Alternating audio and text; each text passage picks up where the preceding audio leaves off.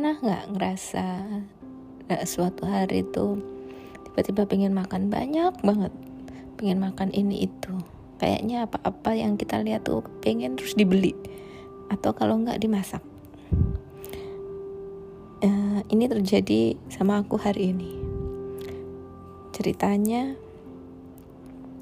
sore tadi kelaparan siang nggak makan karena sibuk uh, di sekolahnya anak-anak. Lalu ngajakin si sulung yuk kita main ke atas yuk. Di atas tuh maksudnya di jalan deket rumah yang banyak penjual kaki lima beraneka makanan ada di sana. Awalnya lihat ada tempe mendoan ada gor aneka gorengan ada martabak ada alpukat kocok duren kocok uh, apa lagi? Uh, cilur. Cilur itu aci sama telur sama bihun tuh. Itu juga ada. Terus kue samir. Uh, pancong yang kata anak sekarang singkatannya pantat dicongkel nah akhirnya karena kita pengen makan serius dipilihlah sate duduk kita di tukang sate. Bang, satenya 20 bang. Nggak pesen banyak-banyak karena bukan sundel bolong kan? Cukup 20 Terus keinget sama anak-anak di rumah. Apa kita beli dibungkus aja ya mbak? Hmm, terserah kata anakku yang sulung. Uh, Yaudah, makan sini aja deh. Kenapa begitu? Soalnya ternyata si abang sudah nyiapin satenya itu dari yang posisi setengah matang bukan dari yang baru. Jadi asumsinya nggak bakal seenak yang kita bayangkan. Lagi enak-enaknya nungguin sate matang merasa bahwa ini makanan kurang sip maka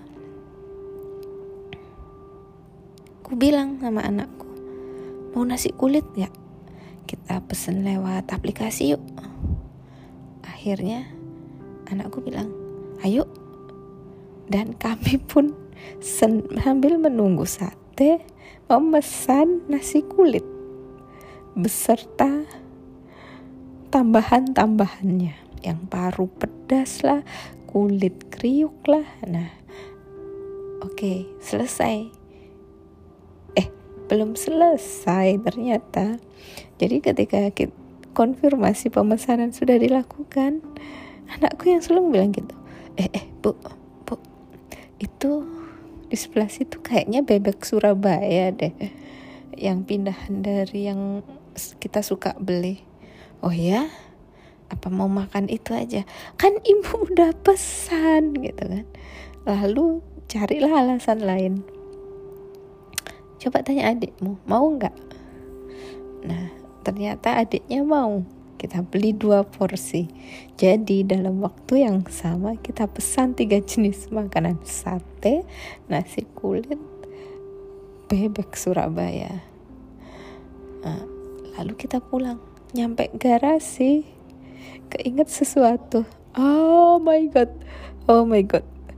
Lupa membelikan sesuatu untuk ibu mertua. Lalu bilang sama si kakak mbak itu bebeknya tawarin sama nenek. Hah, Alhamdulillah masih inget keinget kalau enggak hmm, bahaya bener kita makan lupa mertua oh no eh, btw satenya sudah dimakan Uh, lalu mertua mengambil bebek itu satu porsi, kita pesan dua porsi. Sambil kita bilang, nanti kalau si in, si B sama si C nggak mau ini, kita tukeran menu aja bu. Oke gitu. Begitu nyampe rumah, itu pesanan nasi kulit via aplikasi nyampe juga. Makanlah kita.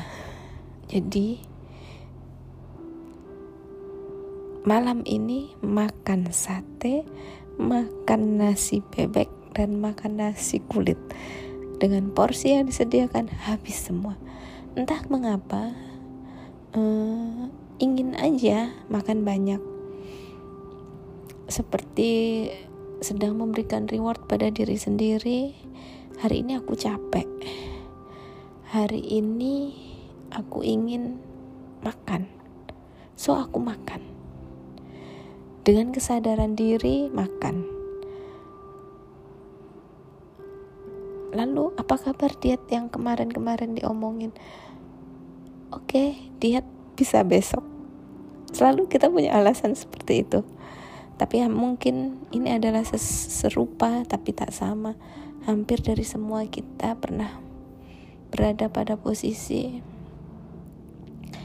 kita pengen makan, pengen memanjakan diri dengan makanan, lakukan saja. Itu salah satu me time yang kita punya. Sebagai ibu-ibu mungkin karena saya ibu-ibu hidup itu tidak melulu diatur.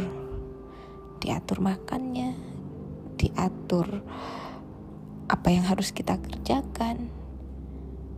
Ada kalanya kita bisa harus harus bisa malahan melepaskan diri untuk menjaga kewarasan kita.